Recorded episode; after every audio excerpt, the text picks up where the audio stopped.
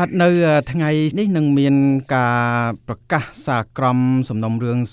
002វគ្គ2នៃសាលាក្តីខ្មែរក្រហមនឹងតើមើលទៅការរៀបចំនឹងមានរបៀបយ៉ាងម៉េចខ្លះទៅនៅថ្ងៃនេះហើយតើសាលក្រមនឹងរំពឹងថានឹង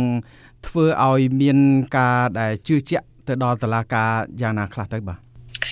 បាទសូមជំរាបថាអង្គជំនុំជម្រះសាលាដំបងនៃអង្គជំនុំជម្រះវិស្ម័យក្នុងតុលាការកម្ពុជាគឺបានកំណត់យកថ្ងៃទី 16ខែវិច្ឆិកាឆ្នាំ2018គឺចាប់ផ្ដើមពីម៉ោង9:30នាទីតទៅនៅក្នុងការប្រកាសសេចក្តីសំអាងហេតុហើយនឹងផ្នែកនៃសេចក្តីសម្រេចនៃសាលក្រមនៅក្នុងសំណុំរឿង002វគ្គ2ពាក់ព័ន្ធជាមួយនឹងជនជាប់ចោតនួនជាហើយនឹងឃីវសំផនហើយការប្រកាសសាលក្រមនៅក្នុងថ្ងៃទី16ខែវិច្ឆិកានេះគឺសម្រាប់សាលាក្តីខ្មែរក្រហមយើងគឺបាន ត្រៀមរៀបចំរួចជាស្រេចទៅហើយជាច្រើនខែរួចមកហើយដើម្បីទទួលត្រៀមទទួលនៅថ្ងៃទី16ខែវិច្ឆិកាឆ្នាំ2018ខ្ញុំបាទសូមជំរាបថានៅក្នុងថ្ងៃទី16វិច្ឆិកានេះគឺទ្វាររបស់សាលាក្តីខ្មែរក្រហមនឹងបើកចាប់ផ្ដើមពីម៉ោង7ព្រឹកមកដើម្បីស្វាគមន៍សាធារណជនចូលរួមរួមនឹងអ្នកសារព័ត៌មានផងដែរហើយសូមបញ្ជាក់ថាប្រជាពលរដ្ឋរួមនឹង មន្ត្រីនិងអង្គការសង្គមស៊ីវិលក៏ដូចជាមន្ត្រីការទូត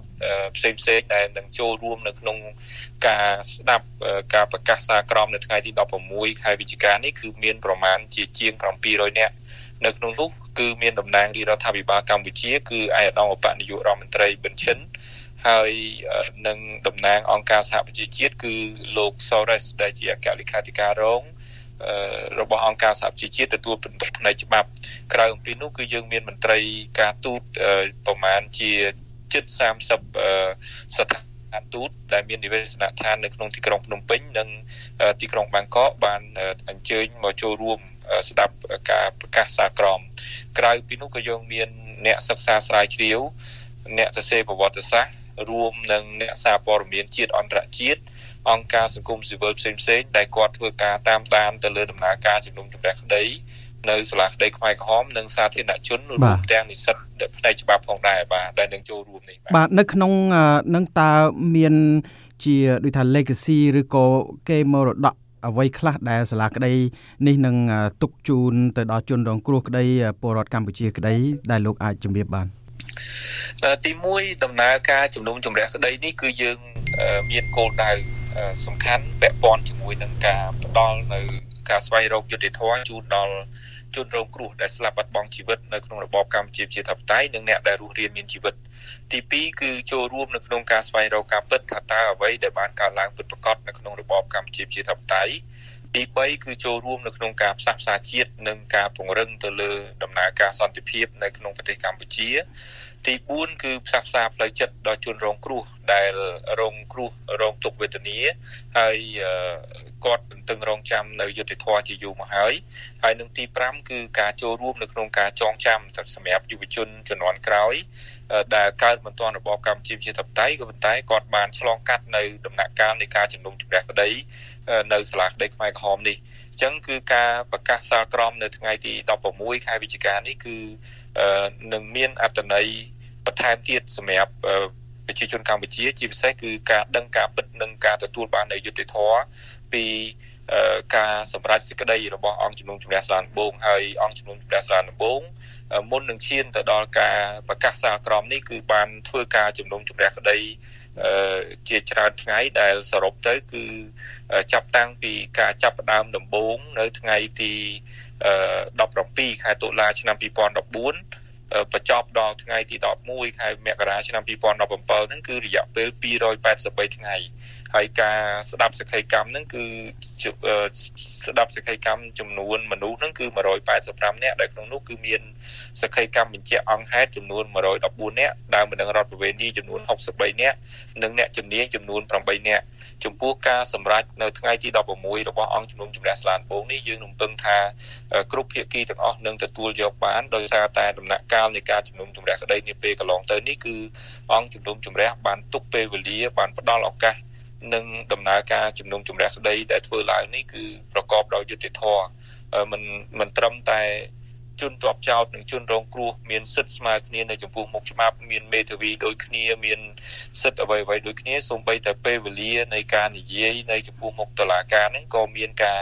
បែងចែកស្មើគ្នាដែរអញ្ចឹងគឺយើងរំពឹងថាអ្វីដែលជាការសម្រេចរបស់អង្គ នៅថ្ងៃទី16ខែវិច្ឆិកាគឺជាការជាសេចក្តីសម្រេចមួយដែលនឹងផ្ដល់យុត្តិធម៌សម្រាប់គ្រប់ភាគីទាំងអស់បាទបាទនៅក្នុងពេលដែលប្រកាសសាក្រមនៅប្រហែលម៉ោងទៀតនេះថ្ងៃទី16នេះមិនដឹងថានឹងមានការបន្ថែមទម្ងន់ទោសឬក៏មិនបន្ថែមយ៉ាងណាឬក៏កាត់ទោសយ៉ាងណាទេប៉ុន្តែ នៅពេលមុនដែលនៅក្នុងសំណុំរឿង002វគ្គ1នោះគឺមានការជំនុំជម្រះទោសដាក់ពន្ធនាគារមួយជីវិតទៅហើយទៅដល់លោកនួនជាហើយនិងលោកខៀវសំផនទៅលើអ ுக ្រិតកម្មប្រឆាំងនឹងមនុស្សជាតិហើយឥឡូវនេះគឺមានអ ுக ្រិតកម្មបល័យពុជសាសនិងអ ுக ្រិតកម្មផ្សេងផ្សេងទៀតដែលត្រូវប្រកាសសាក្រមនៅពេលនេះតើមើលទៅការបន្ថែមទោសឬមិនបន្ថែមទោសតើមានអ្វីនឹងខុសគ្នាយ៉ាងណាទៅបើសិនជាគាត់ជាប់ទោសមួយ ជីវិតទៅហើយបាទបាទសូមបញ្ជាក់ថាករណីរបស់លោកនួនជានៅលោកអៀងលោកខៀវសំផននេះគឺនៅក្នុងដំណាក់កាលនេះគឺស្ថិតនៅក្នុងការជំនុំជម្រះក្តីទៅលើសំណុំរឿង02វគ្គ2ដែលបន្តពីសំណុំរឿង02វគ្គ1ដោយតែលោកខេមរាបានបញ្ជាក់អញ្ចឹងគឺនៅក្នុងសំណុំរឿង02វគ្គ1គឺលោកនួនជានិងលោកខៀវអ៊ឹមផនត្រូវបានផ្ដន្ទាទោសដាក់ពន្ធនាគារអស់មួយជីវិតរួចម្ដងមកហើយអ ញ្ចឹងគឺនៅក្នុងសំណុំរឿង002វគ្គ2នេះយើងមិនទាន់ដឹងថាតើអង្គជំនុំជម្រះសាលាដំបងដែលមានចៅក្រមជាតិនិងអន្តរជាតិ5រូបហ្នឹងគាត់នឹងធ្វើការសម្រេចសេចក្តីយ៉ាងណាចំពោះសំណុំរឿងនឹងការចោតប្រកាន់ប្រឆាំងទៅនឹងជនជាប់ចោតនួនជាឃីវសុផននៅឡើយទេហើយគ្រាន់តែបញ្ជាក់ថានៅក្នុងអំឡុងពេលនៃការធ្វើសេចក្តីសន្និដ្ឋានបិទបញ្ចប់ការសួរដេញដោល ក្នុងសំណុំរឿង002វគ្គ2ប្រឆាំងនឹងជនជាប់ចោតនួនជាឃីវសំផនកាលពីខែមិថុនាឆ្នាំ2017កន្លងទៅនេះគឺសម្រាប់ព្រះរាជអាជ្ញានឹងតំណាងឲ្យជនរងគ្រោះមេឃាវីការពារក្តីជនរងគ្រោះជាដើមនឹងរដ្ឋប្រវេណីហ្នឹងគាត់បានស្នើសុំឲ្យព្រះសាលាដំបងដាក់ពិរុទ្ធភាពទៅលើជនជាប់ចោតទាំងពីរចំពោះការទទួលខុសត្រូវរបស់គាត់ ចំពោះអក្រិតកម្មប្រឆាំងនឹងមនុស្សជាតិអក្រិតកម្មសង្គ្រាមនិងអក្រិតកម្មបល័យពូជសាសន៍ប្រឆាំងជនជាតិចាមនិងជនជាតិវៀតណាមដែលត្រូវបានចោទប្រកាន់នៅក្នុងសំណុំរឿងនេះចំណែកឯមេធាវីការពារក្តីឲ្យជនជាប់ចោតរួមនឹងជនជាប់ចោតនួនជាឃ្យូសំផនខ្លួនឯងក៏បានស្នើសុំទៅកាន់អង្គជំនុំជម្រះសាលាដំបងដែរដែលថាគាត់មិនមែនជាអ្នកទទួលខុសត្រូវចំពោះ ឧក្រិដ្ឋកម្មដែលបានចោទប្រកាន់ទេហើយគាត់ក៏មិនបានដឹងអំពីការកើតឡើងនៅឧក្រិដ្ឋកម្មទាំងអស់នោះដែរហើយគាត់ស្នើសុំឲ្យមានការទម្លាក់បទចោទប្រកាន់ប្រឆាំងទៅនឹងជនជាប់ចោទទាំងពីរ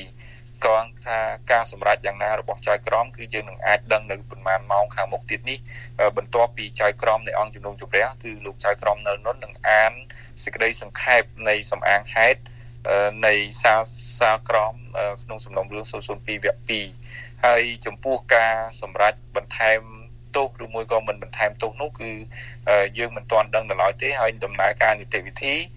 ក៏យើងរងចាំពិនិត្យមើលថាតើអង្គជំនុំជម្រះសាលាដំបងលោកនឹងសម្រេចយ៉ាងដូចផ្ដិចចំពោះសំណុំរឿងទាំងពីរនេះក៏ប៉ុន្តែខ្ញុំបានសូមបញ្ជាក់ថាសំណុំរឿង02វគ្គ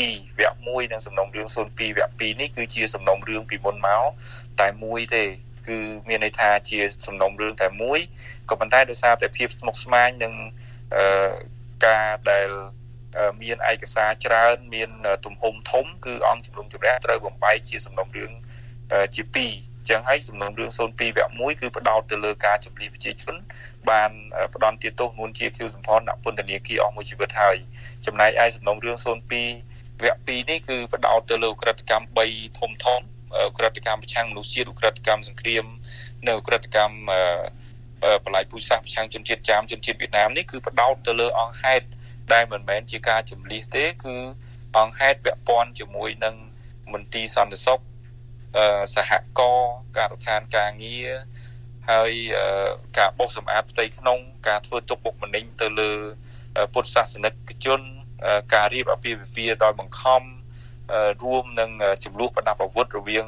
កម្ពុជាប្រជាធិបតេយ្យនិងសាធារណរដ្ឋសង្គមនិយមវៀតណាម ជាដើមដែលបើនៃចំពោះសាលក្រមនៅក្នុងសំណុំរឿង002វគ្គ2នេះគឺ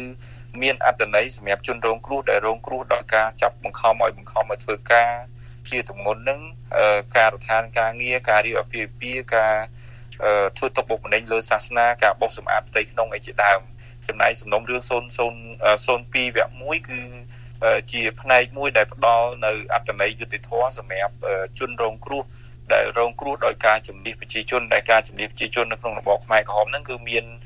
ជនរងគ្រោះប្រមាណជាជាង2លាននាក់ឯនោះបាទបាទបាទសូមអរគុណច្រើនលោកណេតភក្ត្រាអ្នកនាំពាក្យសាលាក្តីខ្មែរក្រហមដែលបានផ្ដល់កិច្ចសម្ភាសដោយផ្ទាល់ជាមួយនឹង VOA បាទដោយពេលវេលាខ្លីសូមជម្រាបលាលោកតែប៉ុណ្ណេះបាទសូមជម្រាបលាលោកកាមេរ៉ាហើយសូមជម្រាបលាប្រិយមិត្តដែលកំពុងតែតាមដានស្ដាប់វិទ្យុ VOA បាទ